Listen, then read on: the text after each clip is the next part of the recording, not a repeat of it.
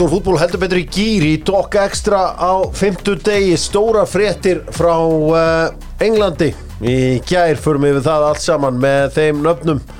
Gunnar Ormslef Möller Pétursson Helgusson Já, takk.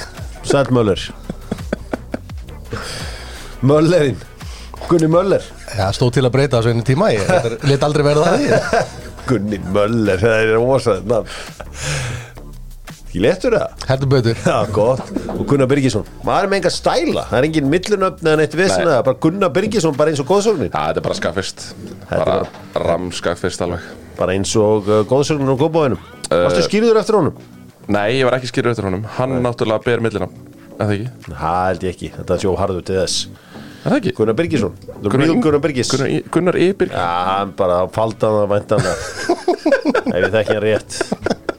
Heyri, Möller. Nei, ég ætla að tjóka, ég er hættur. Þú rangaði mig hvað? Eitthvað með fjögur eða sex Á, eða á, eitthvað á GB Gunnar Birgisson. Já, já, já, já, af Gunnar Birgisson já, já, já. Takk fyrir það, takk fyrir það, það er heiður Sko, lengjan uh, er með Dóttur fútból og ég tippa á að leikur Trepenni og uh, Breiðablík færi 7-1 fyrir blika Það er svolítið mikið þegar maður er að tippa 8 mörk í leik og detta á það hárið. Og líka bara láta sér detta það í huga þetta Trepennilið geti skorað mark. Já, það var fátt sem að benti til þess. Þetta var rosa, förum betur í meistaradeildinu og eftir lengjan auðvitað staðurinn þar sem að uh, þú getur verið með og sett spennu í leikin það þægir þetta er smá úði úti neglaðins á hana og njóta lífsins í leiðinni, talandum að njóta lífsins fyrir það sem er leiðin í brúðköpi eitthvað annað slíkt þá er að súta upp Reykjavík, þeir eru þar Jölli og Egil og taka vel á mótir haflega svona jakkin þar til sölu eða svona hörljósjakki. Fekk einhverja landsbyðar frændur á mig uh, þegar ég var í höri jakkafötum um dag og var að pressa buksunar Gummi Ben sendiði pill Já, þetta er, þú veist, þegar það kemur að fashion þá eru svona þessir, þessar túttur. Maður hlustar ekki alveg beint á það sko. Það er magnað. Maður sem hefur devótað öllu sínu í tísku og allt svona að þurfa að hlusta á eitthvað það sko. Þú framal á vagnum Já, ég, ef, ef þetta hefur komið frá Alberti Guðmundssoni sínast þá hefur ég kannski kíkt á ágætis En þegar það kemur frá Guðmundur Benedikt sinni sem er búin að vesla í sömu búðinni núna í 15 árum Æ, veistu, nei takk Gummi alltaf flottur Já, hann er alltaf flott Hann er alltaf flóður, vel, vel til haður Hann er alltaf ríkala flottur, reynda má hann að vega það já. Uh, Óli Svinnópur, uh, Dr. Úrbúl minnistíkall á lítirinn ef þú ert þar. Uh, bótaréttur.is þú lendi í bílslisi, ef þú lendi í ykkur vesinni ef þú hefur meðt í vinnunni heyrðu í bótarétti. Og uh, það er bara svo leiðis Ertu búin að eh, sækja eitthvað uh, þar, uh, Gunnar? Nei, en ég hefði haft gott að þessu ráðum þegar ég var hérna í kringu tvítut sko. Ég brauta mér öklan uh, og skólalóð hérna einhverju tíma og mér dætti ekki í huga að sagja mér bætur. Nei, ég er eini haldri maðurinn á landinu sem á ekki krónu. Ég hefði átt að segja eitthvað. Herri, Sigursteinn Gíslason er Sigursteinn leikmaður íslensku deildarinnar frá upphæði uh, ásamt uh, Nunna, vini mínum, heitnum og þeir eru náttúrulega báðir dánir, Sigursteinn og, og Gunnar Guðmarsson uh, Hversu oft eru þeir íslensmestrar? Hversu oft eru þeir íslmestrar og þessi spurning er auðvitað með lemon? Og það er þannig fyrir þá sem að panta sér lemon ef þú, notar, ef þú kaupir bara eitthvað af matseli og notar kóðan DOC pantar á lemon.is D.O.C. þá fær 15% afslátt. Það er ekki flóknar en það. Lemon núna út um allt. Lemon skilti meiri segja í Úlfarsárdal þeir elska alla þjóna öllum og uh, eru með í gleðinni. Gurri og félagar. Svo, Þetta er pjú- hversu, hversu oft var hann íslmestari? Pjúra gisk, sjösinn Ég ætla að segja sex. Nei, hann var íslengur rúðu báðir Íslandsmeistrar nýju sinnum. Já. Já, hann var Ok. auðvitað Steini, Sigursteinn Gíslason var auðvitað öll árið 92 til 96 með þeim. Og svo Já. þegar að Káar fór að geta eitthvað aftur þá tók hann þetta fjóru sinnum með þeim. Þannig að allt í allt nýju skipti magnaðir sigurvegarar þarna á ferðinni. Og það er enga tilvílinir í þessum bransa. Svona fara Já, í uh, stórum málinn með Noah Sirius. Cappuccino uh, Noah kroppið og allt það. Heimir Hallgrímsson og félagar í Jamaica unnu Trinidad í nótt. Ég sopnaði reyndar í stöðunni 3-0 bara horfa á þetta á Viaplay og uh, endaði ekki 4-1 Jú, Þeir hefði getað að skora svona átta. Já, Ég var að horfa að hæla sá það Bara þeir óðu í færum sko. Heldur betur, þeir voru góðir og það var svo geðveikt að eftir leik kemur Heimir Hallgrímsson í viðtal. Það er hann að gæði sem er Dujuan Richards sem er strákufættur hvað, er hann ekki fættur 2004 Já, og hann Nei, hann er fættur fyrir ekki, hann er fættur 2005 Já, já, já, já. 11. oktober 2005 17 meira ára. þess að leit Meira þess að leit 2005 Já, uh, magnað, magnað dæmi. Og hann kemur viðtal uh, og segir I was criticized by picking the kid and he only needed 10 minutes to score. Eitthvað og svo bara hérna uh, heldur hann áfram. Þetta undistrikaði fyrir mér að allir allir komum við úr skóla Guðjón Stórðarssonar þetta er bara eins og Guðjón Þórðarsson hefur sagt. Þetta er bara sama ræða og Gauði Þórðar sagði þegar hann valdi Bjarnar Guðjóns fram með Stefán Þórðar í 96 liðinu. Það var ég er nú gaggrindu fyrir að vera svona minn í liðin hann er nú ekki liður að því hann er svona minn. Það er því hann hefur gæði. Uh, veist, það, hann bara, hann tók þetta nákvæmlega svo. Það, það var, það ristu margir hausinn og, og maður skilur það svo sem ágætlega. Þeir sem hafa ekki séð strákin og veist, bara geggjað Rósan Birgisson er besta Gauði Þórðar eftir þess að heim Þú settir þetta alveg í stellingar sko. Þetta var geðveikt. Sko ég er náttúrulega að horfa á Gauja Þóra, úst, hann óla alla upp. Úst, hann var alltaf í sjónvarpinu, hann var viðtölum eftir leiki, svo var hann kóa svo var hann expert og hann bara kendi öllum leikin Já. og þú veist, þetta komment kemur beint úr Gauja Þóraðaskólanum byrjaði á að gagga, ég var herlega gaggrind og þú veist og bara, Þegar það var kannski bara einn. Já, kannski bara einn sko og þú veist, allir þjálfar sem, sem Heimir Hallgrímsson Freyr Alessandursson Óskar Rapp Þorvaldsson Arnar Gunnlaugsson Rúna Kristinsson, Heimir Guðjónsson allir þessi helvitis þjálfarar þú veist Gauði Þóruðar er einhver staðar inn í, í meðunni á öllum þessum gæjum. Pottet, það er klárt.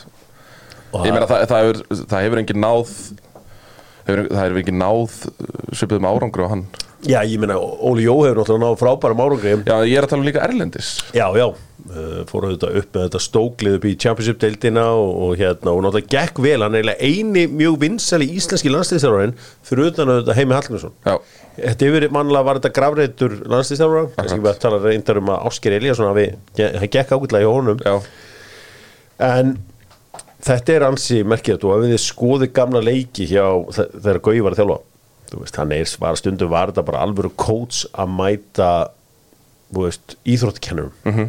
hann var bara að pakka mannu saman. -hmm.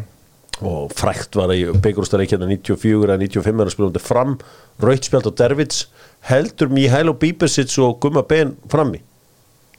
Þarna hefðu leikvæmiskennararnir allir tekið sendir út á og sett varnamann inn á eða hvernig sem það er sko þannig að hann var hérna langt á undan uh, sinni samtíð og meina þegar hann fór frá skarum upp í káir það var bara hjúts já. Já, það var í raun og veru alltaf þegar hann skipti liðið þegar það var hjúts Það mun ennþá í dag. Já. Það er bara jafnvel þegar hann tekur við Já, þú veist, já. Víking Ó hérna fyrir fyrir maður Það er ennþá fréttrætt þetta er bara en þetta var bara svo gott að sjá þetta komið. I was criticized for picking the kid. Þetta er algjör þetta er algjör snild og uh, alltaf sér maður svona leifar á honum í alls konar kommentum út um allt. Og uh, ég vona samt að heimir jafni sig á eftir að vera gaggrítur hallega fyrir að verja strókin það sem að hann gerði er gauði, hann bjóð til svona aðdánda hóp af því að Hann var ekki feimur að svara fyrir sig. Nei, af hverju voru það gaggrínar fyrir að velja þennan? Ég veit betur. Það var bara hans motto líka og maður stundar hér er enn. Laka til að sjá endur komuna þar. Förum í uh, önnur stór mál með Nokko og uh, eftir að við íttum á rauðatakkan hérna á þriðudaginn þá var það staðfest að uh, Aron Elís Þrándarsson er mættur í Viking þetta er aðeins 28 ára að verða 29 ára minnumar fættur 94 hann er kannski þekktastu fyrir að vera maður sem skoraði sigumarki á móti San Marino í fyrra? Eftirminnilegu leikur eftirminnilegu leikur, Já. Ormslev mættur til San Marino. Úf, það var rosalegt. Ég gleymið aldrei að lappa frá vellinum og ég átti hérna búnisklefunum það sem að Íslandingarnir voru. Ég lappaði fram hjá Rúnar Alex sem spilaði ekki einu svona leik. Já. Við bara svo horfðum á hvern annan og við þurftum ekki að segja neitt. Það var bara Það var erfitt. En hann allan að gera sigumarkið í þeim leik. Uh, hvað hérna er þetta leikmaður sem að hreyfir nálina uh, Gunnar? Hérna, Birgisson. Uh, ég, ég veit að, já ég meina þetta er náttúrulega alveg klárlega, þú veist, hann er að koma úr, úr þannig umhverfi og þannig bolta já, ég gerir nú ráð fyrir því að, að hann hækki levelið hjá vikingunum gerir ráð fyrir því. Um, spurning hvar og hvernig þeir alltaf nota uh, þeir hafa náttúrulega verið með veist, ef, ef þeir eru að hugsa hann í, í þessu sexu hlutverki að, að þá eru þeir náttúrulega með frábæra leikmann þar fyrir en það getur verið að hans einhvers konar double pivot fígúra, fígúra sem að kemur hann inn sko. Sko þegar hann kemur upp þá er þetta náttúrulega marka Já, það er þetta náttúrulega, þú veist, og í öllum yngjörflokkurinn náttúrulega er hann bara sender, sko. Í B-deil 2014 skoðum 14 mörk í 14 leikjum. Eða 2013 fyrir ekki Er það leikmaður sem reyfir náluna Ónslef? Sjálfsögðu, gæði sem búin að vera í landsliðinu bara núna undan fyrir nári í hópnum og svona þetta er ekki spila stórt hlutverk og annað koma íslensku deildin á besta aldri, það hlýtur að gera það það segir sér sjálft. Já, það er bara svo leiðis og uh, svo var greint frá því í gær að Lógi Tómasson væri á leiðinni til djúrkortir eftir tíðanbili þeir kaupa hann og lána hann síðan aftur til vikinga þetta er svo sem kunnulegt stefn. Vikingar vilja vantilega hafa alla skrokka sem er í bóði uh, í baráttinu sem er framundan. Um, spennandi ef að rétt reynist að djúrkortir sé að taka hann Já, mjög. Djúrgarður er alltaf bara að reysa klúpur og, og Logi sínta með sínum framistöðum á þessu tífumbili að hann er klár í, í stökk Erlendis. Uh, Ég sá reyndar að, að hérna, maður fer oft að lesa sko þegar að það fer eitthvað væral tvítin hjá til dæmis eins og Kela og Arnari Laudal og svona þegar að stuðnismenn liðan að fara að ræða þetta Já. og þú veist og þeir, þeir fara að spyrja sig að, veist, að hann er á þessum aldri hvað hann er 24 en ekki 99 Já, hann er 24 og er ennþá bara búinn að spila í heimalandinu. Eitthvað svona, hvort að það veki ekki einhverja spurningar og eitthvað svona, þú veist, var, ég er bara að tala um það sem að svíjarnir er að segja, sko. Uh, en, en ég held að þetta sé uh, bara mjög fínt skref hjá Loga og svona röggrétt skref á ferlinum að vera ekki að fara kannski í veist, þetta, við vitum hvað við erum að fá í, í sænska og norska og danska veist, það er svona kannski aðeins meiri óvissa að stíga inn, í, inn á belgíska eða hollenska grund, sko, veist, það er svona við erum, við erum kannski ekki alveg hvað ég var að segja, í háfum höfð í, á þeim bænum sko, en, en þú veist hinnar skandinavíu þjóðunar hafa, hafa, hafa húmor fyrir okkur.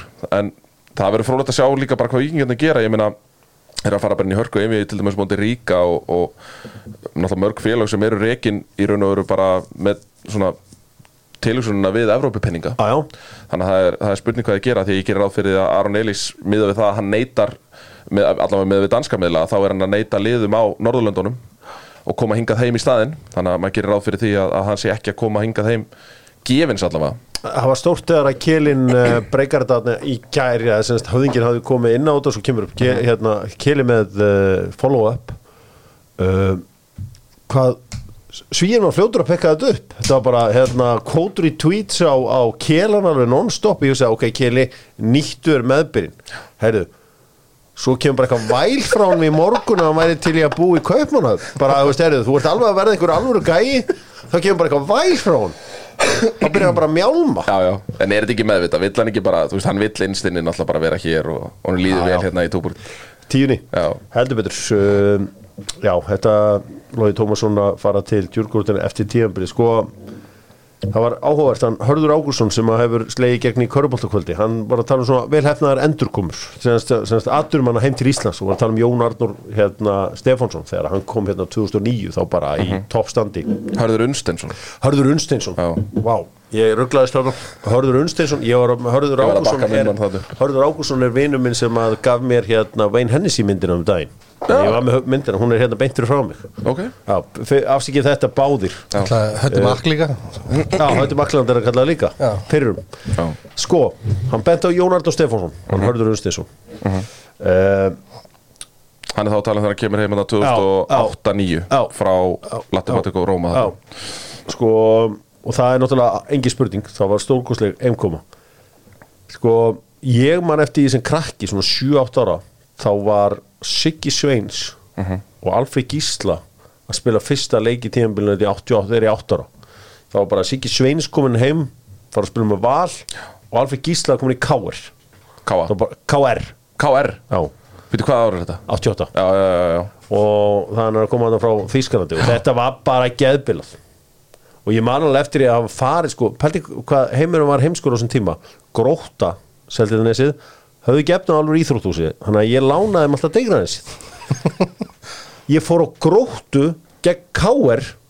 í degra nesið og Alfred Gíslason spilar Það er galið. Það er galið. Þú ert líka búin að vera að lána Degranessi til þróttarna í blækinu sko. Já, já, ég hef verið að lána digraðansi til stjörnuna sem hefur gælt að efna þess eiga sinni eigin völl. Já. En allavega, þarna voru allir stjörnuna Ég þetta allir Hilmas að verið framadna nýkomin heim og whatever, sko. Í fótboltanum, þá eru þetta kannski besta heimkomin og það er að pappi þinn kemur 26 ára frá Þísku búndislíkunni og er lambesti leikmaður í íslensk fótbolta. Mhm. uh, Pétur Pétursson mætti síðan 28 ára í KR Hvað eigum við meira? Ég meina, ég get sagt ykkur það að Bjarni Guðjónsson fótbollalega séð er bestur á þessum bræðurum eiginlega, myndi ég halda. Ég myndi halda, þú veist, hann er ekkit mikið veist, Dotti Guðjónsson geðveikur landsmaður fljótur og allt svo leiðis Jói Kalli á tristan fyrir. Já, Jói Kalli á líklega besta ferilinn. Já, já, en Bjarni, þú veist, Bjarni var líka eini harði íslendingur, hann var eini maður sem getur spila sko einhvers staðar annars staðar í vörnin einhverja 40, 50 leiki á tímabilið hann bara stók, hann spilaði bara alla leiki. Mm -hmm. dundraði þessu fyrir markið sko. hann kemur bara í skagan sem var ek- ekki einu sem gott lið 26 eða 7 ára beint frá Coventry eða Plymouth. Nú uh, hvað er ég meira að handa mér af svona góðum leikmunum sem koma heim á toppaldri? Sko Pétur Guðmund spila náttúrulega 80 og Já, í spilar körfunni. 80 89 með San Antonio Spurs og 1990 spilar hann með Tindastól. Já, ok, það er merkið þannig að þú veist þa þar átti titill að koma í, í skagafyrin en, en það fór vist eitthvað ég maður verður nú alveg til í að sjá það verður ekkert verið neitt svona eitthvað neginn það verður ekkert mikið verið rætt um þetta tímabil held ég hjá. Tindastól, ég var verið gaman að ég hef heyrt af ymsu sem hefur gengið þar á. En uh, það voru auðvitað hafa auðvitað margir góði leikmenn komið heim Já, bara 100% Ég meina, þú veist, ef við færum okkur yfir í, í blakið Það var náttúrulega stórt þegar Kristján Dimitrov Ég ákveður að koma úr búlgur skúrvastildinni Yfir til ykkar hákáinga. Það var Já, náttúrulega þú veist, Við munum allir Já, hvernig já, það var Þú veist, það, var það var. fullt út úr dyrum á hverju mennasta leik og, heldur betur. Uh, en, en svona En svona hefur ekki Guðmunds? Tryggvöðus hefur 31 Já, Já, hann kemur þetta heim eða ekki Geggjað. eitt ár í FH uh, þegar hann er búin að vera í var ekki Tromsö eða var hann í Stabæk Nei, á eitt tíðanbíl hjá FH þegar ekki á hann að fer svo aftur út nei er ég myndið vittlust? Já, þetta munið þetta Hann kemur bara heim 2005 og er bara heima og slær metið Já, já, já, og hann nýtur er hann í lífsins. kringum þrítut, ok, kannski alveg besti aldurinn En undanfærin ár höfum við ekki séð neitt Þú veist, ég meina Holmar Eyjóls er að koma heim Hann er samt, þú veist, Já. kannski þú veist, búinn með sinn frábæra feril þú veist, Erlendis þú veist, hann er ekki að koma heim til þess að fara svo aftur út Mm. og menn er ofta að koma Aron Jó. heim út af meðslu með annars lítið eins og Eður Smári kom tvítugur í KR bara til að jafna sig og koma sig aftur í gang Mhm. uh, Arna Gunnlaugsson og kom hann að þrítugur heim. Ég meina Bjarki Gunnlaugsson kom 26 ára mjög sjarp heim frá Preston og spilaði með KR Siggi Jóns kom relatively ungur heim til uh, hérna Skagans með að við svona veist, Siggi Jóns eða átt að verða leikmaður veist, í útlöndum bara framöndur öllu náttúrulega ógeðislega góður. Mhm. Veist, hvað er hann? Hann er, hann er mættur upp á Skaga hérna bara 92 það er bara 20 og 26 ára. Það er bara fáránlegt. Hann, hann reyndi að fer síðan aftur út til Örebro og svo Dundee United. En uh, við höfum ekkert séð undanfærin ár. Þess vegna verður fórlótt að fylg- fylgjast með bara uh, Aron Elís, hvernig hann mun svona einhvern veginn koma inn í, inn í þessu delta. Því að ég held að, þú veist þetta er bara eins annað bolti held ég sko. Veist, það er held ég bara svolítið erfitt að að koma og ég meina Steppi Gísla kom heim, hann var endar veist, hann var aðeins eldri náttúrulega. En, en veist, hann kom heim uh, svona fann sig ekkert, ekkert brjálaðislega, hemmi reyðast náttúrulega kom heim og spilaði einhver tímubil já, uh, og sama þar, veist, svona fann sig ekki kannski alveg. En, en þetta er svona, við höfum ekkert séð undanfærin, við, við, við sé höfum hemmi reyðas kom hann ekki heim og spilaði með IBF Ég man það. Nei, hann kom hann inn og sem var að maður eitt leik Já, var það bara eitthvað grín? að- eitthvað grín Já, bara. ok, já, já, Það er saman tíma David James er hérna Já, já. þeim tíma. Já, já. þetta er sá tími hann mætti að vinna á móti K.R. bara einhver Já. mest hilarious innkoma bara sögur þetta er geðveikt dæmi sko. geðbila dæmi, já þetta er, uh, það var margir góður komið hann heima við ætlum bara að fara að halda áfram Aron og Pálmarsson alltaf núna, veist, hann er ennþá á besta aldri top of his trade Já, hann er að koma í FH og það er, veist, það, það er líklega stærsta heimkoma sem við höfum séð í, í handbóltan hlýtur að vera. Aron er náttúrulega besti leikmaður mögulega bara, þú veist sem við höfum átt, sko. Fyrir auðvitað kannski Ólaf Stefánsson og þú veist Guðjón Val, þú veist, ef við tölum bara um ferilinn, það er að Já, segja. Já, ég meina hann er búin að hann á öll met í sögu Champions League, Final Four Já. og allt svoleið sko, og sko bara einhver met Já. Aron Pálmásson og allt. En kurvan á Gísla Ómari, hún, hún, hún er að trenda í þá átt að, að hérna, þeir gætu nú ná, náð þessum ferli og, og gott betur sko. Já, já, það er þá, þú veist, ég, hvað hefur Aron Pálmarsson, hann hefur tapað svona fjórun leikjum á æfinni, sko. Þú veist, ég, ég tapað meira eina helgi, þú veist, bara einhverju turnleiki veldur en hann allan ferinni, sko. Geðveikt að fá hann heim sko. Það var einhver árgangur að það hjá FH eða eitthvað sem bara, þeir töpuðu bara ekki leiki einhver, þú veist, einhver, á, einhver áratöfu eða eitthvað. Það er, förum í uh, íslenska boltan, förum í bestu deildina með steipustöðinni, sterkasta liðið, st- sterkari lausnir og núna rafmaks steipubílin góði sem að keirir um bæinn. Leikur gerkvöldsins var án Eva í Úlfarsárdal, Dal Draumana eða Dal Dauðans eins og ég kallaði þetta eftir eh, þessa heimsókn í gær Þú, þetta er svona eins og að vera út á landi þetta er rosalega mikið út á landi og horfir þarna frá stúkunni út í einhvern, einhverja lúpínu. Og uh, vantar einhvern veginn að girða þetta eitthvað að svo horfir í átta einu, einu markinu og það er bara svona vassennibraut fyrir aftan. Þetta er mikið út á landi. Þetta er rétt fyrir utan bara rétt hjá Báhá sko, við slum slaka á. Þetta er allt í uppbyggingu, Hjörvar. Sýna þessu þólumæði, þetta, þetta er búið að vera í gangi er að er flott síðan hjá- 2007 eða þetta er flott hjá okkur það er hérna engi spurning. Ég sá hlut sem ég held ég myndi aldrei sjá árið 2023 Ég veit ekki hvort mér finnst þetta cool eða hvort mér finnst þetta amatörulegt. Daði Lárusson, markvarðarþjálfari framara var að hita markmannun upp Óla Ísólm í gallabuxum upp fyrir leik. Já, en ekki bara verið að koma að fundi eða komið sent Ég hef ekki séð þetta, ég hef ekki bara Nei, af því er að- áhugavert. af því að það er allir, allir orð, þú veist, ég sagði bara að þetta getur verið eitthvað happa. Var hann í stríga skoðum kannski bara líka? Já. það? Já, Já, ok, og ekki með hanska? Nei, bara var Í alvörinni, var hann ekki með hanska? Nei, þetta er svona ákveðið stílbrot. Já, þetta var svona, þetta var eitthvað sem ég hef ekki séð lengi af því að ég þekki nú uh, daða sem er fagmaður fram í fingum og ég bara eitthvað séð mann hita upp markmann í gallaböksum Ég á bara, þú veist, ég á svona nánast erfitt með að ganga í galabusum hvað þá að fara að sparka sko. Erum börjuð þá í leikin sjálfan. Ég verði líka að rósa einum manni sem er að auglýsa þarna á, á framvellinum. Það er með svona leddskilti og það er bara einhver geggjuð fyrirtæki bara eins og í Dóttor fútból að, að, rúlla. Svo allt í hennu bara Roberto Baggio góðsögnin lifir. Svo bara svona ponytail það maður bara svona ha? Þetta sagði ég ekki. Já, ok. Þetta, var bara, þetta, þetta var á svo leddskilti sem rúlaði fyrir aftan mörkin. Já, já. Roberto Baggio góðsögnin. Lifir Ok, þetta Geðveikt. á flott umgjörð hjá, hjá, hjá fram. Já, já, þetta Og er flott svæði sko. já, þetta er bara svona eitthvað svona eins og einhver celebrity klubur það er bara allir sem er að inni. Þetta er bara fram á bara all, allan þennan pakka sko. Einhverju liti vippið er alltaf stappað. Þannig. Já, uh, glæsilegt hjá framurunum þeir unnu leikin 3-2 uh, svo sem vítaspilnaðna sem boltinn skoppar upp í hendina á uh, fakka. Ég veit bara ekki hvað hann var að gera. Hittir ekki boltan, hann hittir ekki boltan En akkur þarf hann að renna. Rennur hann ekki eitthvað aðeins til? Hann ætlar að ná þessu í skoppinu einhvern veginn og sparka, allan þannig sjá ég þetta. uh, mjög klöðalegt hvernig varst ykkur sendingin hjá Hassan Jallo í, í, í öfnamarkinu þegar svona nikkaðan svona aðeins fyrir bara, Ég held að við ekki droslega mikið myndan að bara koma þessu fyrir sko. ég, ég ætla fyrst og fremst að setja út að varnarleikin hjá mínum mönnum eins og svo oft áður í því marki sko. Því miður. Já, það var eins og það er. Hvað okkur lærst þú? Hvað það er, hann, hvað það er, hann dippaði Nei, það er svona rétt svona nikkar í hann nikkar í Það er svo flikkar sko. flestir hefðu sett þetta yfir allan pakkan bara fullkomlega á alla sem að skallar hann inn. Já. Uh, En þetta var já, mjög klaufaleg- klaufarlegt inn í teik einhvern veginn fyrir svo markið. Hákáði vesinu með að við fyrirgjafir það er yfirleitt skallar náttúrulega inn í markinu þarna, þú veist, Arnar Freyr stórkostlegur í bjöldildinni fyrra. Stórkostlegur. Byrjaði tíðanbíl ágætlega núna. Minnst hann ekki alveg vera að finna sig og svo náttúrulega kemur þetta þriðamark mm Mhm. það sem hann svífur yfir Getur hann gert eitthvað þarna? já, jú, auðvitað Þetta er bara, Hann svolítið lendir í í, á, boltinn lendir í vinklinum fjær Já. Þú getur ekki búist við því sem markmaður að það komi mögulega, er, er hann mögulega að fara að þurfa með einum En þannig líka vindurinn bara Akkurat. þú veist, hafa áhrif Veit- þú veist, að setti spila á mútið þetta, sko. vindi og þú veist eins og Já. Arnar er búin að spila mútið vindi miljón sinum í lífinu En ég bara velti því fyrir mér ef hann hefði staðið í hotnu Hvort hann hefði tekið já, já, Já, það er staði í hótnu, já, en, en þú veist, þú getur ekki ætlast til þess heldur, sko já, já hann hann er alltaf gert það Ok.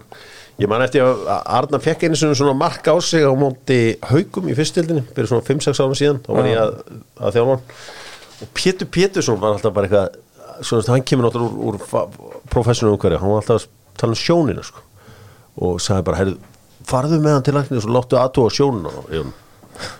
sem að hafði, hann einhvern tíðan upplegað þetta í fæinord eitthvað í Hollandi eða eitthvað og ég bara, svo svona tveim viku setna hvað Jóra, var búin að skoða sjónina á Arnari já, já, það er allt upp á hann 20 vikur. Ég vildi ekki þurfa að mæta æfingu daginn eftir og förum til auglæknis núna. En þannig er það gett í próbransan Já, já. þú færð, til auglæknis Já. og þú veist, það er pælt í Það meikar alveg sens á öllu. Já. en uh, já, kannski er, er óþarf að harka gafvart Arnari að röfla yfir þessu marki framara. Mm já, þrjú En tvö það- niðurstaðan. ágefni eða þú veist þeir náttúrulega skora líka, veist, þetta mögulega hefði kannski 3-1 átt að standa, þeir náttúrulega skora hann draugamark undir lokin.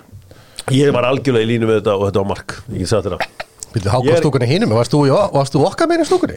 já, Nú, ég satt þarna með framröðum varst eitthvað svindlaður inn, ok ég satt með framröðum Já, ok. Er það satt? Ég- Þetta var Maður mark. verður satt að treysta línuverðu þetta- Hann er vel staðsettur svona. er hann að beita Er móti það? mér og fannst er bara- er bara pjúra mark. Já, ok. bara pjúra mark. Ég var ekki samfærið sáttu tilbaka En þú veist. Að hann, hann er lengst inn í markinu og þetta er bara, ég myndi segja að veri allar líkur. Ja, ég myndi segja að bara, þetta var bara mark. Þetta var bara eins og hvert annar mark. Um, Svo var Ómar ásáttu við þriðamarkið þar sem að eh, framarar skora þar sem að hvort það sé ekki Fred sem að rýfur Eh, Thiago. Thiago. Thiago. Ja, Thiago. Sem Það var klárt brot, sem sko. að hérna eh, tekur örvar niður já, já. og í Klárt kjálfarið brot. skoraðir ég held bara að hann var einhvern veginn að láta leikin fljóta og svo þegar þeir náðun og bjóstíðanir myndi flauta, Mhm. gerði það ekki og eftir það svífur boltinn hann í uh, fjærhóttni frá Orra uh, já, Ómar kom inn og að lasa hans yfir húnum Dómaran þar að segja? Það var brotið á Tiago reyndar bara 5 sekundum undan því. Já, já, ég sá það einmitt, sko. Skilur þú veist, en þetta er klárt brot á, á Tiago Ég, sko, oft mæti ég hérna mjög reyður eftir uh, tapleiki í HK og uh, Þá væri nú alltaf reyður þá er ég mjög reyður en ég verð að segja að Sigurður Hjörtur Þrastason hefur bætt sig rosalega sem dómari. Ég maður eftir hann fyrst þegar hann var að byrja. Þá fannst mér hann svona ekki alveg að hafa svona alveg skinnbræða á sig, hann er hann góðu dómari Það sem að Sigurður Hjörtur hefur er að það er hægt að tala við hann og hann býr yfir uh, sem er mikill kostu fyrir dómar að hafa það er auðmygt Þú veist, hann- hann er tilbúin að viðurkenna þú veist, ef hann, ef hann, ef hann um yfirsest eitthvað eða, eða hann metur eitthvað vittlust eða eitthvað svoleiðis. Mér finnst það fýtt, mér finnst það bara mjög fýtt Já, dómari. ég er sammála því. Já. En ég er svona, fyrst að við erum að ræða þetta að, þú veist, hvað er Þorvaldur Átnarsson? Hann hefur aldrei gefið út að hann sé hættur eða meittur eða hann neitt. hverfur alltaf regla Nei, ég meina Mér skrítið brottfall úr, íslenski dómarastjætt Við erum að missa rosa marga öfluga dómara finnst mér. Og, og? Þorvaldur, ég meina Þorvaldur uh, Oddur sem var, var búin að vera á línunni. Já, já. Uh, Ég meina við missum fyrir nokkrum árum síðan Gilvi Tryggvason var náttúrulega mjög efnilegu dómar á sín tíma. uh, Arnar Ingi sem hefur verið að dæma í fyrstu deildinni og, og, og fjórið dómari og, og aðstofadómari í Pepsi. Mér skrítið bara að við séum að missa út góða menn af því að, að, því að hérna, veist, við viljum absolutt halda sem flestum þannig að lúpan verði stærri skiljið hmm. meiri samkeppni um, um bestu leikina þetta sé ekki bara alltaf einhvern veginn tvö nöfn í potti fyrir, fyrir þú veist eitthvað vikingur, þú veist hákáða eða eitthvað skiljur Já, þetta er góða punktur. Þetta var góðu sigur, mikilvæg sigur framara sem að koma sér heldur betur inn í pakkan og uh, komur úr fallsæti. Háká, þetta var vondtap þetta var ákaflega vondtap í gær. Varnarleikurinn Já, það er eins og það er. Ég ætla ekki að vera röflið dómarann hérna sko. það er margt annað að. Herri, ok, förum í IBVF Káa þar sem að eigamenn vinna 2-0 og núna sáum við afhverju vestmanningar fóru með stóru seglana í Ólver Heiðarsson. Já, já, það var sprengjumark. Þeir bara sparkur mann upp hæra megin og þeir vita að hann er að koma hann á ferðin Kraftur í þessum strák sko. Já. Óli Jón alltaf talaði um í tilfyrir honum í kjölfæri Þetta væri já, mögulega hraðast í maður í dildinni Ég var, sko, ég var á þeirri skoðun í fyrra sko. ég, ég, ég sá til þú ég sá, hann í byggarústlunum til dæmis í fyrra. Það, svo framist að einn og sér fannst með verðskulda bara að hann færi mögulega bara út sko. Ég er svona, þú veist ok, ég átta mig á því að, að það vantar kannski fleiri mörg til þess að geta bakkað upp þegar þú ert að spila í þessari stöðu eða, eða stóðsendingar mm. hann er hvað, komið bara með tvö mörg held ég í 11 leikjum eða eitthvað. Þannig að hérna en ég liði verið, verið bara ströggla en, en hann vonandi er komin á þann stað að geta kannski rifið á aðeins upp úr rótinu sko Já. eh, þetta, hann fór illa með bæði Ívar Örn og, og Birgi Baldvins í, í mörkunum Já. var þetta ekki Ívar Örn hann í setjamarkinu? Jú, held það sem hann fyrir illa með og Birgir í, í fyrramarkinu þannig að uh, ég veit líka ekki með Jajal og ég veit ekki við hvað hann er að búast þegar hann drillar hann um hann föstum í nærandi sko. ég veit að þetta er hann, erfitt sko. hann er bara að taka sjens já, já, ég veit að þetta er erfitt en hann er að taka algjör hann sé að hann sé að fara að senda bombunum fyrir sko. Já, já þetta er uh, í staðan fyrir að standa bara. sko, Káa er í já, en það þarf ekki að koma neinum ávart sem að hlusta á Dóttur fútból í vendur að káa sér í vesinni við letum það vita að þessu, þeir væri að fara á reynslu lausan þjálfara. Ekki, var ekki búin með þú veist ekki það að allir þurfa að, að sumi geta farið bara beint inn í þetta en þú veist, Hallgrímur kemur þetta bara nýr inn í þetta með leikmannhóp sem er búin að lengi saman. Um, en ég meina, ok sko, jú, það er hægt að færi þjálfur en ég held að vandamál risti dýpra heldur en uh, Hallgrími Jónusson í þessu tilviki. Algjörlega, en ég meina því þetta er að- lið sem var í öðru seti fyrra. Já, ég sammála því En hvað hefur gerst með, ok, og núna, þú veist, þú, þú gaggrinir menn mikið fyrir þetta En Dusan Berkovic og Rodri voru bestu menn káaði fyrra. Já. Rodri skrifandi samning rétt fyrir tímabilið uh, Eða bara rétt eftir að tímabilið byrjaði mögulega. Já. Rodri er, er skugginn á sjálfum sér. Rodri var besti, að mínum að besti uh, Eða næst besti holding miðjumæðurinn í deildin á síðastímli Hann var með- unplayable. En getur svona ekkert haft með þjálfur að gera? Veist, að Rodri Ég, að, ég, ég, get, ég get að vel trúið að hann væri bara fyrir eitthvað mittur eða eitthvað sko. Ok, Dusan Börkovic var rosalega öflugur í fyrra, sérstaklega undir lókin uh, hann og Ívar hafa ekki fundið einhvern veginn sama mótjó og þeir voru með í fyrra. Markmannstaðan hefur verið spurningamerki. Uh, það verðist ekki vera alveg á hreinu jú, já, já, og verðist vera markmann nummer eitt en, en þeir verðist samt ekki vera alveg 100% á honum.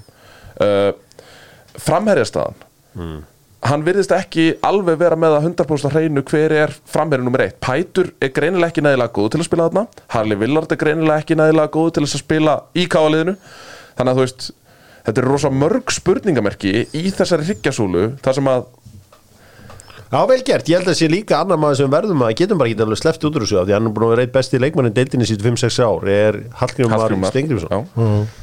Sem einhvern veginn, þú veist, ég held að bara missa alltaf út Þú veist, þó að þú veist hann á ábyrða vera orðin erfiður hann sko Þú veist, Jesus Christ og allt þetta og þú veist, hann er mjög kröfuharður og þú veist, þú getur ábyrða orðið þreyttur á honum Mm. en hann er ábyrða frábær þjálfari ég er alveg, sko, hann er aldrei þjálfað mig en ég eiginlega er alveg við samfæður um að Arnar Gretarsson sé góðu þjálfari ég veist ekki það hann er ábyrða ekki samt svo þægilegasti Nei. Veist, en hann og- veit, hann veit hvernig fótballna veit sko.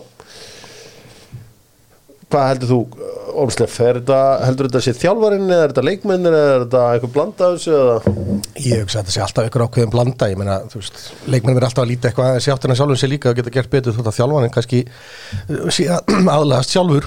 En ég hugsa bara alveg, þú veist, það er ekkert mikið brottfall úr þessum hóp. Þú veist, þessi póstar eru allir til staðar þannig að þýrleitinu til er í samála þér að þú veist þá lítur þetta að vera meira þjálfarinn heldur en, heldur en leikmenn skilur og upplegi frá honum eða skilabrófin frá honum og, og hvernig hann er að drilla liði sko. En káa klúburinn sem sé, se, per se var á leiðinu upplið. Hann var í öðru seti í deild og einhvern veginn svona Þú veist, það komið tími til að taka næsta skrifa eða whatever. Það er væntalega sem lið sem er lendi í öðru seti hugsa. Já. Tekum maður þá inn reynslulösið þarna? Ég, en ég meina ok, ok, ok, ok, en hvað, eh, þú veist, ég, ég veldi alltaf fyrir mér sko, ok, þeir taka hann inn Hatta sem að á, þú veist, fínan Heldur og, og hann er búinn að fá svona, ég meina maður myndi segja að hann hafi, fengið ágæti skóla hjá Adda, þú veist, þeir unnu það lengi saman að maður hefði haldið að hann væri svona komin með það hvernig æfingarna virka og hvernig á að setja upp leiki og annað. Bara hefðin kitt fekk ágæti skóla og svo er Alex að hann gæti ekki þjálfa Blackburn sko. Nei, hafði hann einhvern áhuga á því að verða að þeirra? Ég, mér leið alltaf til þess, mér líður að fara að ræða það Nei, bara- nei, en, en sk- þú veist, það eru endalust dæmi. Bara, ég, ég, ég velti því fyrir mér sko, hvernig hefði þú tekið hann? Hvernig hefði ég tekið inn? Þú veist, ef, að- ef að Óli Jó til dæmis væri í nákvæmlega þessari sömu stöðu með Káa Ég held að káa sér í þeirri stöðu að þeir getur tekið útlendinga því að þau eru flesta leikmenn þau eru þá húsnaði og alltaf þú veist eitthvað Mm. ég hefði svona aðeins allan að skoða þetta Já, það, Skoða- það getur verið hættulegt maður við þekkjum framararni með Pedro hérna, Hippolito á sínum tíma sko. tala um einhvern framara og tala um vel um Petru Hippolito. Ég ætla bara að segja úff sko. en ok, já, já ég, Hvaða, alveg, hvaða erlendi þjálfari hafa náð árangri síðustu, síðustu ár það er bara engir fengið tækifæri Nei, og ég er að tala um bara í öllum íþróttum sko. í, á Íslandi? Já. Já, ég, ve- ég veit ekki Við stólar höfum, við stólar höfum nokkur svona reynda Já, já. að fara einhverjar ótróðna slóðir. Það hefur gengið hörmulega væga sagt. Er, uh, Það var uh, Tvana Khalid Ahmed uh, dæmdi leikin sko, ég held að ég kannast við hann ég held að ég hafi sko, það var maður að vinna á bæris bestu uh, sem að var alltaf að hlusta á fótbolta. Þú veist, maður fóra á bæris bestu og það var bara allt trillt í útvarpinu. Mm. ég, ég ætla að segja sé allan einhverju líkur að það sé þetta því að einhvern tíma manni eftir að hafa heyrt allt geðbilað í útvarpinu á bæris bestu og ég bara, hvað er allir sé verið að spila núna? Þetta var svona einhvern veginn á aðfangadag eða eitthvað. Mm. og ég með hefð bara bæris bestu á aðfangadag Geðveik ég fer alltaf á bæris bestu á aðfangadag og metro á gamlasta Já. bara, þetta er bara hefð hjá mér Já, og svo er ég bara eitthvað svona ég segi, nei, heyrðu, það er það er spil í Írak nú og, þá, og þú veist að þetta var mark á 93. myndu þannig að Guðri svona lýsaði þessum leik hafði bara fulla ástættur að vera Já. gjössanlega trilltur á það sko. ok uh, sko, hann hefur flóið upp stigan hann uh, sagt. já, sko mér varst þetta rauðaspjald sem að kongurinn fekk var ekki Richard King sem fekk rauðaspjald Já, já. Seinna gula, já. já, setna gula þetta er bara bull algjört og, en ég meina, dómar að gera mistök og allt það og, og þú veist gaman, gaman að, fá hér fólkin í, inn, inn í landi sem að uh, þú veist, fer hól inn í fótbolta 100% og sagan er frábær Er það ekki fjórðudómari sem að segir honum Jú. í raun og vera spjaldan? En þarna þarf hann að standa í lappirnar og segja Nei, Ok, okay, það, en- er bara, það er smá hiti og, og hérna, þú veist Þetta, hérna, þetta hefur ekki bein áhrif á leikin Þú veist, þetta Ok, en fjórðudómarin er bara beint fyrir framann þetta. Þetta, Já, já. veist, þetta gerist í metrafjalla frá að- þekki Þetta gerist eiginlega bara ofan á hún Ég að segja, þú, þú, þú þarft að hlusta á teimið og byrja eitthvað ákveðu trösti þeirra. Ef ég þekki þetta blessa dómar á samfélag Íslandi þá heyrir maður, í, þetta er bara sparkar um, þetta er bara annað guld þetta er bara, þú veist það var svo gaman að horfa á ennska boltan síðustu veitu þegar þeir létu bara allt handbaks og eitthvað svona ítingar og allt svona. Munið í íslenska boltanum fyrir nokkrum ára síðan þú hrindir einhverjum með ítan hans í bringuna á honum þá fyrstu rautt spjald. Ég það makki matta að fengi svona rautt spjald eða eitthvað Menn að kasta sér niður og svona. Með hún kasta sér eitthvað niður og dómarinn bara auðvitað, red card. Já, já. bara eitthvað svona kjánagangur.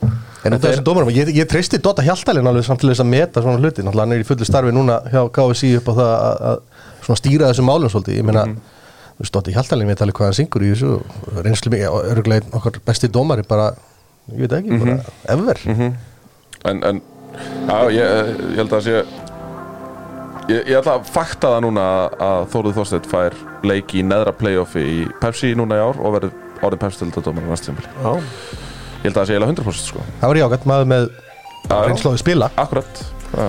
Þetta betur. svo, svo fer vonandi var að koma Já, inn. þú veist, ég ætlaði að mynda að segja veist, þarna úti eru menn alltaf bakkaður upp með var veist, ef, að, ef, að, hérna, ef það kemur einhver hrinding og eitthvað þú þarft ekki að, þú þarft ekki að taka sko, heat of the moment ákvörðin eins og gerist þannig gær.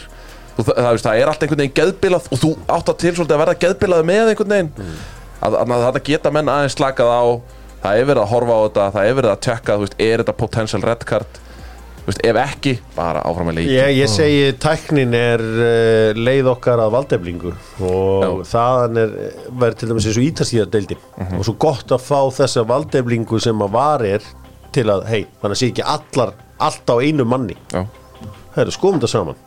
100% Já, herru, nei. En þú veist, þarna er þetta annað gula þannig að má ekki skoða þetta er, Það er þannig Það er einn Í, jú, Ef þetta þetta leiðir til raukt Ef þetta er raukt, þá hlýtur að með að skoða. Jú, jú, jú, jú, maður oft séð í hérna, ég sá í Jú, þýska jú, boltanum tekur gula og svo tekur gula spjaldinu. einmitt. Það er skoða potential red card og red card. Já. einmitt. En það er svolítið erfitt samt að taka það tilbaka Því að það er alveg að segja að þetta sé guld fótboll er það asnalegur í dag að það getur allt verið guldspjald Er þetta ekki alltaf eitthvað gett þátt ákvörðun einhverju leiti hjá dómarunum? En maður velti því þá fyrir sér sko Það hættum að velta þessu fyrir okkur. Fyrir maður að fótbolta. Hættum að tala um dómara. Æ, byggðist afsökunar á þessu. En það, í leiknum sem við erum að fara í Þar hefði var geta nýst liðinu sem að tapaði leiknum. Núna Káur Keflæk. Við ætlum að fara í Káur Keflæk og gerum það að sjálfsögum með samköpum sem að stýðja sínum enn á Suðunisjum alltaf. Netto er uh, hluti af þessu öllu saman og uh, samköp mi- mikið og gott Suðunisjar uh, fyrirtæki sko Netto, Brútó og allt það. Káur Keflæk 2-0 fyrir Káur bara vinur minn fór uh, í Vesturbænin í gær og hann sagði seitt það er Evrópulikt í Vesturbænum. Já, ég kannast við hennar vinnin Sendi það sama á mig. Ok, uh, þetta á alla. Hann hefur örugglega bara gert send all uh, Sko þetta var og ef maður sko tölfræðan úr þessu leik sko, að þetta er, þetta voru sturdlaðir yfirbyrðir sko, en eins og, eins og ég kom inn á að hérna, það hefur verið gaman að sjá allavega að leifa mómentun að lifa á 2003 þegar að Edon Osmani sendi Frans Elvarsson í gegn. Mm.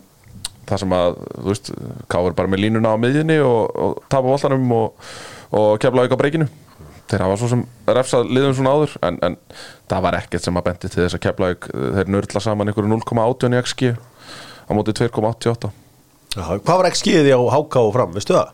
Tjekka þess á því fyrir mig það var, uh, Við hljótum að pakka því það var 1,98 á móti 1,36 Já, þannig að þeir, þetta blekkir þetta XG af því að þeir fengu víti.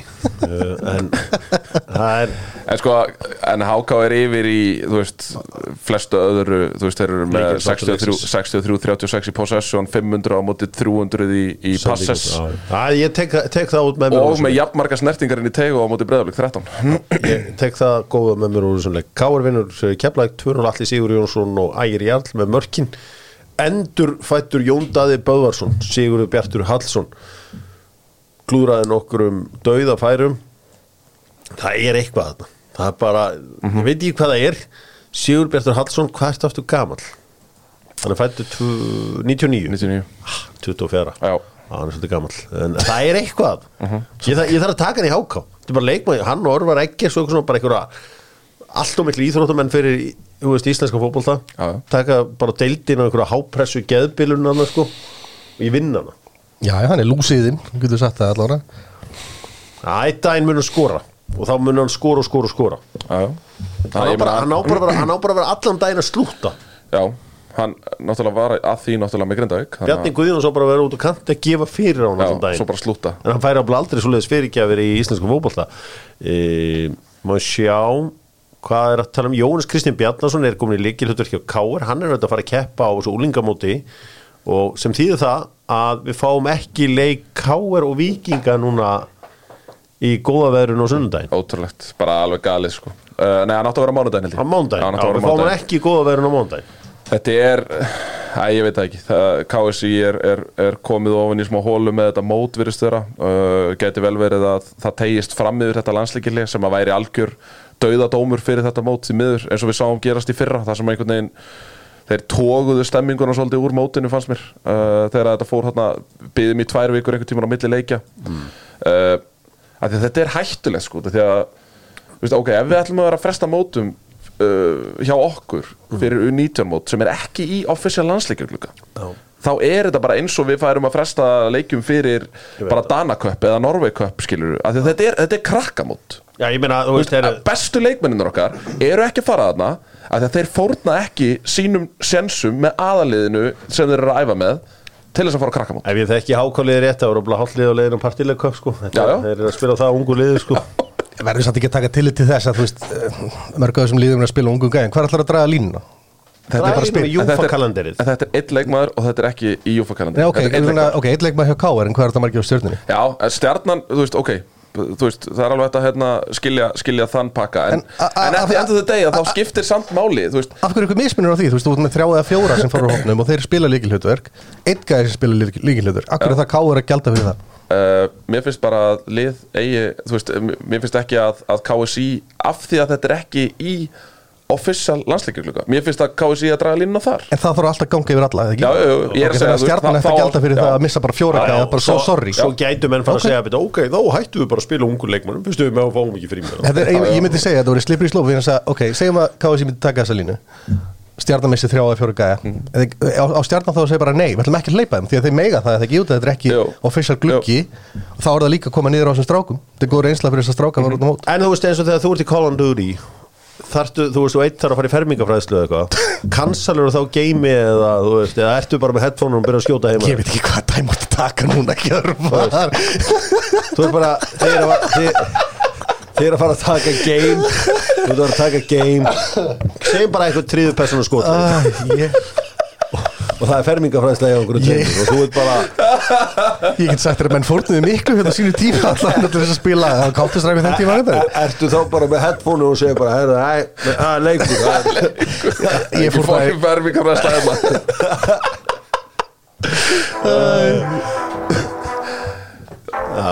Djúvel hefði viljað sjá Þetta er þetta er einstakt dæmi. Þú veist, Þetta er nýtja mót þetta, er- þetta er ekki. Þetta er ekki Áfram eitthvað sem að, Ísland. þetta er ekki, já, já, já, þetta er ekki eitthvað sem að gerist kannski, þú veist, árlega vegna. Skal ég segja? Áfram Ísland. Áfram Ísland, já. Tveir leikir í uh, næst bestu deildinni. Er í næst, næst bestu stifilagi þar uh, Málar Akranes. Málabæin Rauðan. Þó að þeir séu þetta gulir og gladir Irish Days um helgina eins og gárugandi kalla ískadaga mm. Irish Days. Já. það eru þetta ég að fatta þetta á þessu fyrir svona einhverjum 8 ára síðan. Mm. kalla þetta Irish Days. Ok, og það er svona þessi árlegi Irish Days leikur. Hvað er það, í á móti það er eitthvað alvöru leikur sko. Þór? Að að Þór. Þetta voru liðin í fyrstu og þriðja seti 92 sko. Lárus og Róraslagurinn sæll. Sæll Lárus á Rorraðsláður og Sónarnas Já, þegar báði verið þarna á báðum stöðum. Nú uh, og hinleikurinn er nú ekkit mikið síðri í kvöld. En það er bara baráttan að blikastæði.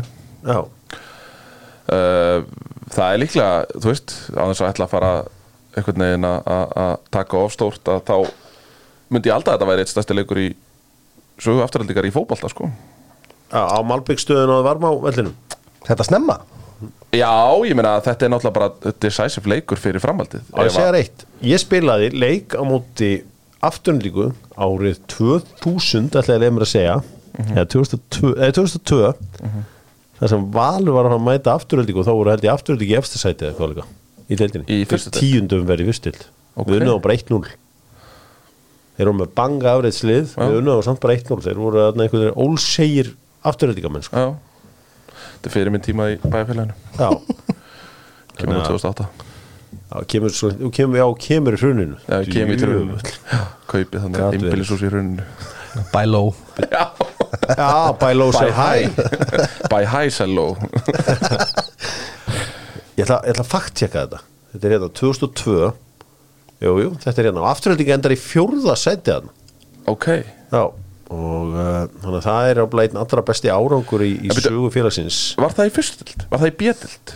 Já, þetta var í, í B-deild og við vinnum bara 1-0 hérna á hlýðarenda 17. júli 2002 Ok og við skorum marki á 7000 myndu Bjarni Ólafur Eiríksson skorar en þú veist, hér ertu bara með Hvaða alls konar gæja hvaða þarna í afturhaldingu? Axel Gómez Já, já, Gunnar Borgþórsson er þannig í völdinni Bók, kóngur Nú, uh, Baldin Jón Hallgrímsson er fyrirlið Auðvitað er hann það. Boban Ristich er frammi. Já, og uh, svo er hann alls konar uh, alls konar góðsagnir og þjálfari er Sigurður Þótt Þorstinsson sem Já. að auðvitað var þekktastur fyrir afreiksinni kvennaboltarum já, hann er komin aftur í afturhaldingu Hann er held í yngjörflokkunum He's back. Já, he's back. er heldur betur, sá hefur skilað tímunum í boltanum. Já. Herri, við ætlum að fara í Premier League, enska boltan það sem að, uh, já, flestir hafa nú kannski áhuga á í subblasöðus öllu.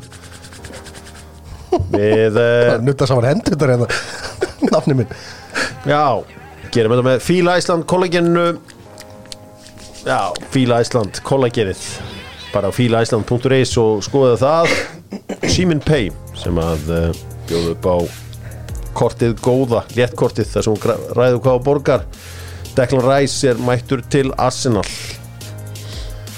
Manchester City löpuðu inn í dílinn í skammastund bara til að hækka þá um eins og einn Alan Shearer. Þetta endar í 105 miljónum punta fyrir leikmann Vestham uh, kemur þarna inn fyrir Thomas Partey sem er mögulega á útlið en Thomas Partey gerir sér lítið fyrir og byrjaði rúmlega 70% leikja uh, Arsenal á síðustu leiktið Strákar, hvað þýðir það að fá Declan Rice í Arsenal? Það er nefnilega, þetta þýðir miklu meira heldur en það að fá Declan Rice. Þetta, veist, það að Declan Rice vilji koma til Arsenal eftir að hann var transfer target nummer 1 hjá Manchester City. Hann var transfer target nummer 1 hjá Manchester United. Hann var transfer target nummer 1 hjá Bayern München. En Declan Rice velur það að fara til Arsenal. 24 ára gamall. Uh, er að skila líklega besta tímbil í sögu Vestham uh, náttúrulega sækir hann Evróputitil sem er náttúrulega bara gulsi í gildi fyrir, fyrir Vestham stuðnismenn og ég hef heyrt í þeim mörgum er í virku samtali til dæmis við Thomas Endors og hann segir að, að hann, segir, hann talar um the golden days Já, þessi- leikur. já, já. Já. Uh, Hvað færir hann? Hvað færir hann semt? Hvað færir hann Arsenal? uh, Hann verður er 25 ára í janúar uh, reliability veist, það, það er alltaf hægt að treysta á hann Hann er góður á boltan, hann er góður varnarlega. Uh, Hann er með availability, hann er alltaf klár. Já, ég er að segja það, Já, þú veist, hann, já, já. það það að treysta á hann, alveg klálega og uh, veist, við megum ekki gleyma því að það er ekkert ástæðu laus að þessi gæi er potturinn og pannan í anska landsliðinu sko. sem að í, þá í hvað uppspili eða bara er ekki Jude Bellingham svona orðin aðal miðmaðurinn hann? Þeir eru þarna kannski tveir mögulega. Hann, Jude og, og Harry Kane Við sáum að Calvin Phillips sem var auðvitað með honum á miðunni í 2021, það, hann svona það gekk ekki alveg upp í honum en það átti Rodri kannski besta tímabil sem að séð frá miðumanni Hvað er Declan Rice að fara að li, færa liði í toppartur sem að mögulega verið ári? Já, sko, Deklar Ræs er náttúrulega bara ótrúlega solid leikmaður, sko. Það, ég, ég ætla ekki að gera lítið úr þessum, kaupum hjá, hjá Arsenal. Þetta er ákveðið púslið vantar inn á, á missa. Ég, ég held að þetta sé ekki dósvipað gæti reynst ekki dósvipað og þegar að, hérna, Virgil van Dijk kemur í vörðinni hjá Liverpool, bindur hlutina svolítið saman þar. Þetta gefur mönnu frelsi fyrir framann og svona. Ég, er, ég veit ég er að, uh, þetta, er, þetta er tónlist ég eru hérna, Flott- nafna mér sem Flottir punktar hefur, hann er frábæð, hann er góður að komast inn í sendingar hann er frábæðlega staðsettur vanlega, hann tímasettur hluti vel hann er með góða sendingar, þetta, er, þetta eru frábæð kaup, þetta er bara þannig í hverju er, er Declan Rice betri en uh, Thomas Partey? Svona þegar þú metar þessu tvo leikmenn saman. Ég held að við getum sagt að þú veist, á er hlutum- sendingarmaður. já, hann er betur sendingamaður, ég held að hann sé hann er örgulega öllítið sneggri. Uh, ég held að hann sé líkamlega betur, betur staðsettur skilur. Partí er alltaf meittur um, Hann er, hann betur hann er fljótari. Já, Hann er fljótari. Og það sem að, sko með hvernig boltinn sem Arteta vil spila að þá er þessi staða gríðalega mikilvæg. Því að þessi staða er oft svona bæði að tengja þú veist, fram á við uh, og líka þegar við töpum boltanum að þá er þetta oft sko first line of defense í raun og veru sko. Já, ég meina, þú veist, það sem hann gerir mjög verið hann getur brotir inn með að hlaupa með boltan bara, Já. þú veist, gerir það og verður það áhorf- svolítið á parti var hann ekki með flest eh, hérna, hvað heitir þetta, ball recoveries eða eitthvað svolítið, ég, sko, ég held að hann er með flest hann í, í, í, og það sem er auðvitað gott við hann er að hann er alltaf available sem að hérna, allan hefur verið hans ferið hlinga til. Hann hefur getað að spila marga leiki það er einhvern veginn, þú er að keira alveg á hann. En eina ferðina erum að sjá Manchester City farin í díla og þeir neita að overpaya fyrir leikmann, mm. Tixi Begaristan og Ferran Soriano þeir eru bara með prinsip. Þeir overpaya ekki. Við sjáum með Mark Kukureya í fyrra stigu frá, við sjáum með Jorginho þegar hann eldi Sarri þeir stigu í burtu. Við sjáum í, í hérna samningunum með Alexis Sanchez og Cristiano Ronaldo þeir stigu í burtu. Þeir neita að overpaya. Og 105 miljónir fyrir Declan Rice er fyrir þeim overpaying. Já, af því að þeir eru að sækja hann sem varaskjöfu fyrir Rodri þá eðlilega er 105 og mikið. Ég myndi að segja að 120 er rétt verðmat á Declan Rice. Eins og staðan er akkurat núna, þá myndi ég segja að 120 sé rétt verðmat á Declan Rice. Ég meina, En- en sko, ég meina er það? Já, 125 En- já. Svo ennsku Ég skattur meina- á þessu Það er ennsku skattur á þessu er innan- og- 100% 100% Góð punktur. uh, en, en þú veist, ég meina við höfum séð náttúrulega mikið af liðum vera að borga allt of mikið fyrir leikmenn sem að síðan, þú veist og ég meina, ég, þú veist, ég ætla svo sem ekki að fara að rifja upp alla sorgar sögum Manchester United en, en, en hérna, þú veist, það, það hafa náttúrulega verið sóttir leikmenn í kringum 100 miljónir sem að hafa ekki skilað neinu. Til hamingi þið endur sæti fyrir ofan. Það er innilega. Já, og gerum það næsta ár. Ég held Ég held að United væri, þú veist, maður var svona orðin fyrst svona eitthvað smá smeykur síðan kannski 2005-06 einhvern veginn. Þá var maður orðin smá smeykur þegar Solskjær var að byggja þarna eitthvað. Það er auðvitað síðast með 2013 sko. Ég bara að segja 2005 en allavega, allavega, allavega Arsenal stóðu sér vel, í- engin spurning og það er svona smá andi yfir þessu öllu saman og, og allt það. Það var auðvitað högg þegar Moses Cassetto neitaðum í janúar. Hann var auðvitað target nummer eitt. Uh, þá fara þær í Declan Rice og, og það er hann er komin yfir línuna gæti þessi þykjustunni Declan Rice áhugum mannstjónættið það hafi verið smokescreen í áttina Moses Cassetto Það geti bara vel verið. Ég meina, ég meina United þurfa svo sem við með líka inn á, inn á, á miðsöðu hjá sér, ég veit það ekki. Er ekki hæpið að Arsenal takið á báða núna?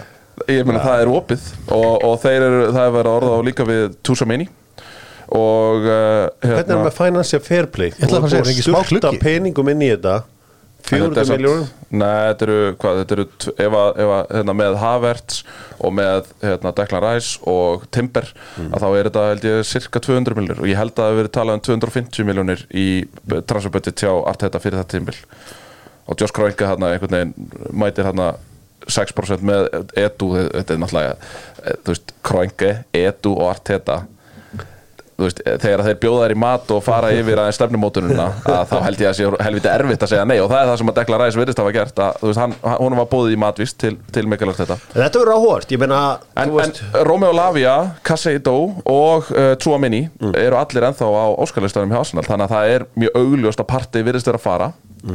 Og það á að veist, þetta er greinilega bara líkil staða í leikfræði verður sjá þetta uh, Tommi á Café Krús var náttúrulega ekki lengi að láta sitt eftir líki Ég átti alltaf eftir að heyri honum, ég er búin að heyri flestum sko en ég átti eftir hann að var, hann var nokkuð sáttur í gær en, en, en eins og ofta hann er að þið veitum hvernig þessi bestu kokkar eru. Þeir eru aldrei fullkomlega ánæðir um, hann hefur áhugjur af, af uh, þessum Kai Havertz stíl hann sagði ætla mann aldrei að læra að hjá Arsenal?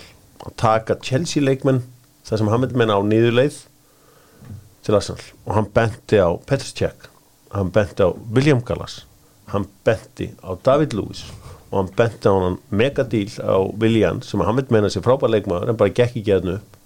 Af hverju ætti þetta ganga upp núna og nú Á- velti maður fyrir sér. 24 ára gamla Kai ég meina hann bara skora úslaleikmarkið í, í Champions League og er sattur Hann er bara- Champions League winner, hann er World Cup winner. Og þú veist, hann er potturinn og hann pannan er í ekki World Cup vinnir, slaka á. Jú, Club World Cup. Það, Ég Club- tala um, já, ég tala alltaf um það sem World Cup. Ég tala um Já, hitt ok. sem svona bjökefni Já, ok. Ég tala alltaf um það sem svona aðal World Cupið. Ok, uh, en er ekki bara þá sattur nei, nei, nei, nei, nei, hann er náttúrulega eftir að taka þú Ef að segja, ef að segja hérna Kai Havertz yfir undir 23 mörg öllum Premier League, bara Premier League. Hann er að Býtu, ha, yfir undir Eh, 22,5 Hann er ekki að fara að spila í nýjunni, sko. En byrju, þú ætla að venda að fá 20 mörg frá honum? Ödegard átti sko svona nánast fullkomið tímabil og hann enda með hvað, 14 mörg eða eitthvað? Að ha, Er það ánægð með 14 mörg? Frá Kai Havertz. Já, af því að við fáum mörg frá Bukayo Saka, Martinelli uh, Jesus, við fáum mörg frá Ödegard og núna Dekla Ræs mögulega. Er það sustainable? að fá mörg frá mörgum. Já. já, ok. Ég myndi halda það. Og svo hefur við eftir að sækja Dusan Lahúts En, líklega en hefur áhugjur að þessu með að Kai Havertz skor ekki 24 mörg Nei, bara að, að þessi Chelsea leikmenn að Chelsea, þeir byrjast vita hvernig hann á að flóta til uh, Arsenal Var, voru frábær kaup. Uh, ég svo sem get ekki tjáð mig um, um hinn Jorginho, hvað byrjaði marga leiki? Þeir voru ekkert margir, Hann er frábær kaup og hvað er hann að byrja marga leiki? kostaði 13 miljónur Já, 13 miljónir punta, þannig að það er mikið á allan séri sko. Já, fyrir 20 árum síðan. 30 mögulega. Hérna, uh, Jú, þegar þú segir, hann byrja alveg nýju leiki. Já. Æja, Frá janúar svo að segja. Jæja, herðu En það er gleði á einum bæ Og ég hef ekki vitað um aðra eins einhvern veginn gleði. Það er hjá tóttunarstundismunum Þeir eru að fá leikmann sem skorar sem leggur upp sem býr til færi í gær og þeir þurftu aðeins að borga 40, litlar 40 miljónir punta. Svona leikmann sem skorar og leggur upp hann hlýtur á að kosta 80 hvernig fengu þeir hann á 40 Óluslef Var það ekki bara þannig að hann átti eh, eitt ár eftir að samningi eitthvað svoleiðis en eh, ég er satt alveg það í falliði, jú, jú, vissulega en, en þetta er samt leikmaður sem gefur 10-10 á tíðanbili, engin spurning. Ja, 15-15 eða eitthvað, alveg 15-15 ég ætla kannski að róa með það snið þar. En allavega, þetta er, þetta er tóttina leikmaður. Ég, ég set alveg fyrir mig sem gæði sem að Ég geti meina þetta er ekki sko. smá framlína sem liðið komið núna með Kulu, Richarlison Son og Harry Kane. Heldur betur. Ég meina þið vantarlega dreymir um að ná tveimur tímabunum í röð fyrir ofan tóttinam ég ætla að fara að segja, Gunni er kannski sveittur að tóttina geti henda fyrir og Arsenal aftur. Já, hérna ágætis kollega og vinn sem að heldur með tóttina hann sendi á mig í gæri upp á þurru sko. Uh, hann á feril með redding og, og fleiri þessi, þessi leikmaður uh, sem hann sendir á mig. Hann sendir hérna, ég er lögreglunni í Breitlandi eitthvað farin að rannsaka það hvernig spörs er að smíðina bestu miður deildarinnar og undir 100 miljonum punta ég náttúrulega bara ringdi strax í neyðarlínuna að það væri einfallega bara fá Heila veikur blóðfall. einstaklingur. En ef við skoðum þetta frá því að hann mætti í dildina Chances created, það varst tveir menn sk- skapað meira í ennskúrasteytri Big chances created, hann er sjöundi. Stóðsendingar, hann er áttundi. Og við munum það að hann er liðið sem fjall núna í vor. Skota á markið fjórðasæti mörk, það er aðeins átján leikmenn í Premier League sem að skora meira en hann frá tímabilinu 2018-2019 Já, einhverju leiti vannmiti leikmaður. Ég Ég meina, veist að máli segja það sko? Hvernig anskotana færðu svona á 40 miljonur? Bara, Lest er að offlóta menn, þú veist. Mm. Nýfallni, vantar pening og eitthvað svona dæmi.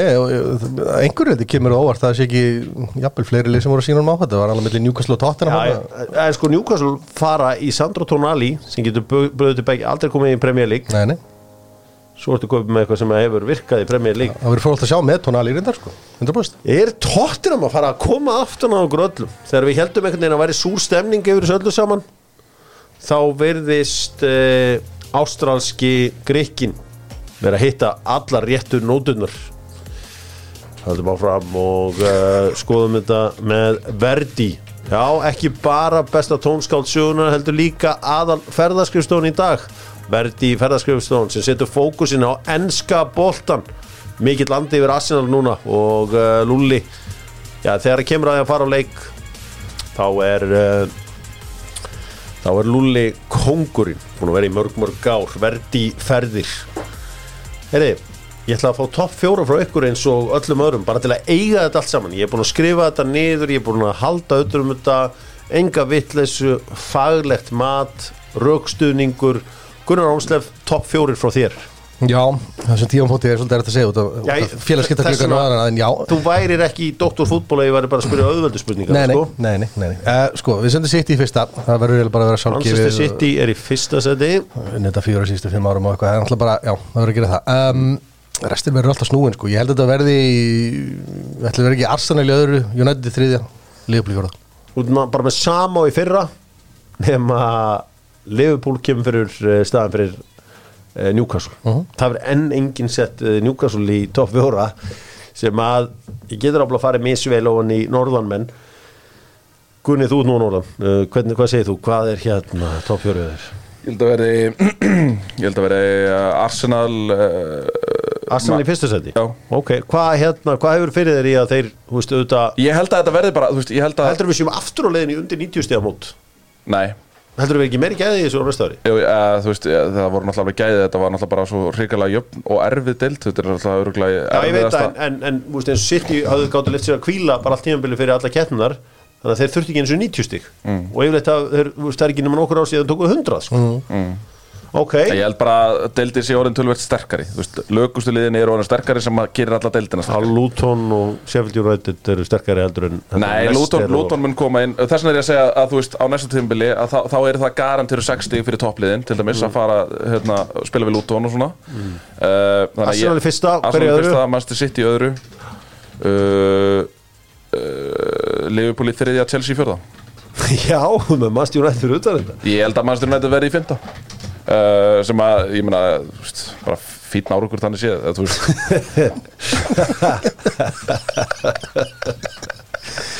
Er þetta ekki að skrifa þetta niður? já, ég spyrir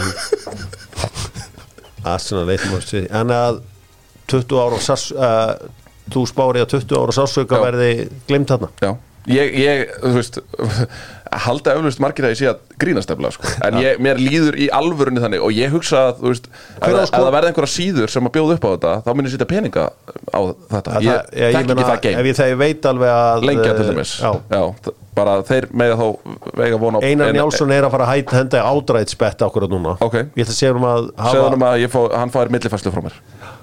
Ok, en þú, þú hefur trú að Arsenal geta Já, ég held að síðast tímbil hafi kent þeim ég held að síðast tímbil hafi kent þeim mjög mikið Ok. og Ég- uh, ég held að við, þú veist, þeir mæta til leiks með sterkari leikmenn auðvitað er þetta náttúrulega háð því að, að það verði ekki ómikið svo Já, já. var núna, þú veist, ég meina þeir voru þannig sem með þetta í hendi sér áður en að Saliba meiðist, Partey meiðist uh, og, og svona varnalínan svolítið uh, löskuð uh, síðustu leikina og þetta er svo mikilvægastu leikum þú veist, ég meina það er svo sem, þú veist ég held að sjá það hver sem vill að, að með, með einhvern annan heldur Rob Holding í hjarta varnarinnar á móti Manchester City að þá hefði sá leikur farið allt öðru sér Já, kannski þrjú eitt en ekki fjögur eitt. Það var góð punktur. Hérna Það má sætt ekki bara eh, standa og falla á einu gæða Nei, nei. Ég, Einum, er að Arsenal er að sækja fleiri leikmi núna. Já, þú veist, hafa eitt á reynu. Ég er besti fantasyspilur á Íslandi.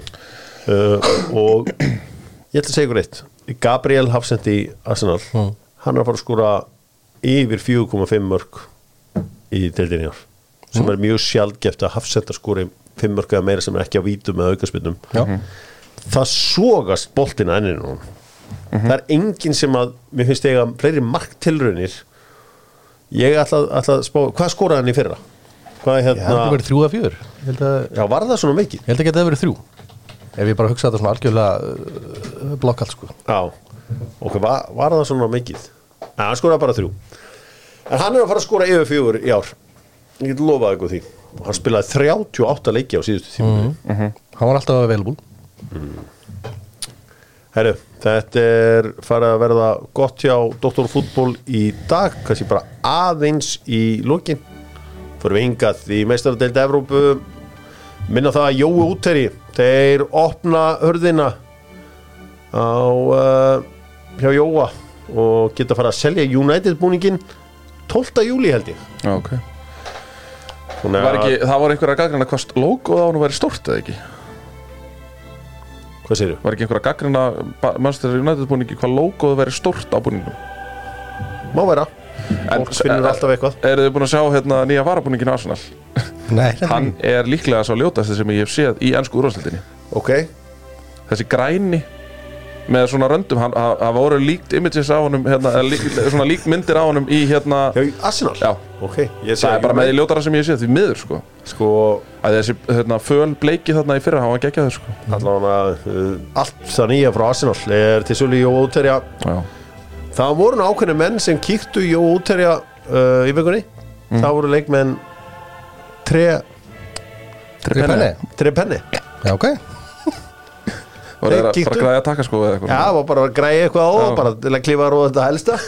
Það kostar mikið í samarín Það er ódýra hérna í Íslandi killa sko, Það er geggja, ætli þeir hafi gist þarna einhvers staðar herru, en verðum aðeins alvarlegir Já, uh, 7-1 sigur breyðabliks, bara fagmannleg fram í staða uh, samt ákveðið svona bara bull að fá þessi marka mútið þessu liði, það var reyndar ákveðis fyrirgjöf og, og ákveðið að þessu marki staði Smá hefnin, já, já.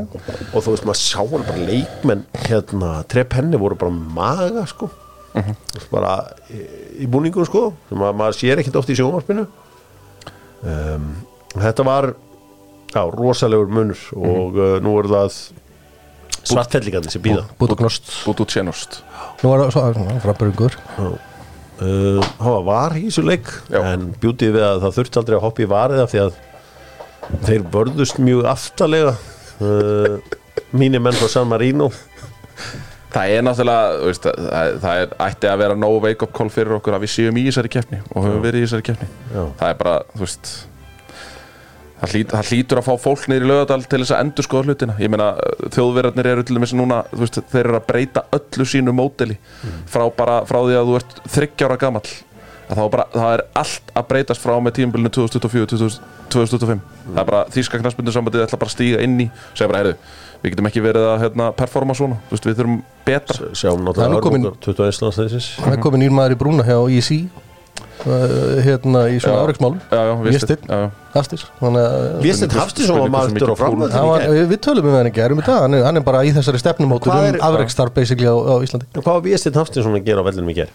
Eh, Sonur hans er hérna á landinu, Albert held ég hann heiti Viðsteins, um, búa hann út í Svíþjóð, hann hefur eitthvað aðeins verið að æða með, með fram og eitthvað svona, og er eitthvað svona flakka milli, sagðan, ég mm. rétt eitthvað stutlega Ég, ég tek alla frjálsýstumenni yfir í hákáðan hann er velkomin á æfingar þar. Ég, mm íþróttaminn það er nú verið eitthvað að þetta markið var var ekki að skalla þetta innan eftir sendingur og aðsís Já, það er vel gert þetta. það var stóra fjórðuhæðinni bara það láttur og slána um, en allavega uh, vonandi að breyðabliki megni vel á uh, þetta verður bara hörku, hörku leikur held ég. Hörkuleikur. Það er alveg ekki Shamrock Rovers, myndi ég segja, þú veist þótt að það verði mjög erfið leikur, en veist, það lítur að vera ágætið sjens, komast ágætið látt í þessu. já, já, maður er haldið það Það held ég Það er alltaf gaman að fá uh, Ormslef og Birgisson í Dr. Fútból, hús fótbóltans á Íslandi, Túborg 10 uh, Rættum íslenskan fótbólta og þann enska á morgun AI mætir í hús og vonandi keli með honum Tvei stóri leikir í það kvöld. veit aldrei með kela nei, Tveir stóru leikir í kvöld í uh, stóru bestu deildinni. Stjarnan á móti FH Það er kannski stóri leikurinn í þessu öllu saman. Já. Og í hinnum leiknum er það Fylgir Víkingur. Víkandi taka það en Jú. stjarnan er í fallsvæði eins og staðinu núna. Eða á fallsvæðinu. Já, fyrir hennar leik. Dóttar fútból staðan þar sem að leikmenn lappa inn og góðsagnir ganga út Dóttar fútból kveður frá húsi fótboltans á Íslandi Gunnar og Gunnar. Takk báðir tveir. Takk. Takk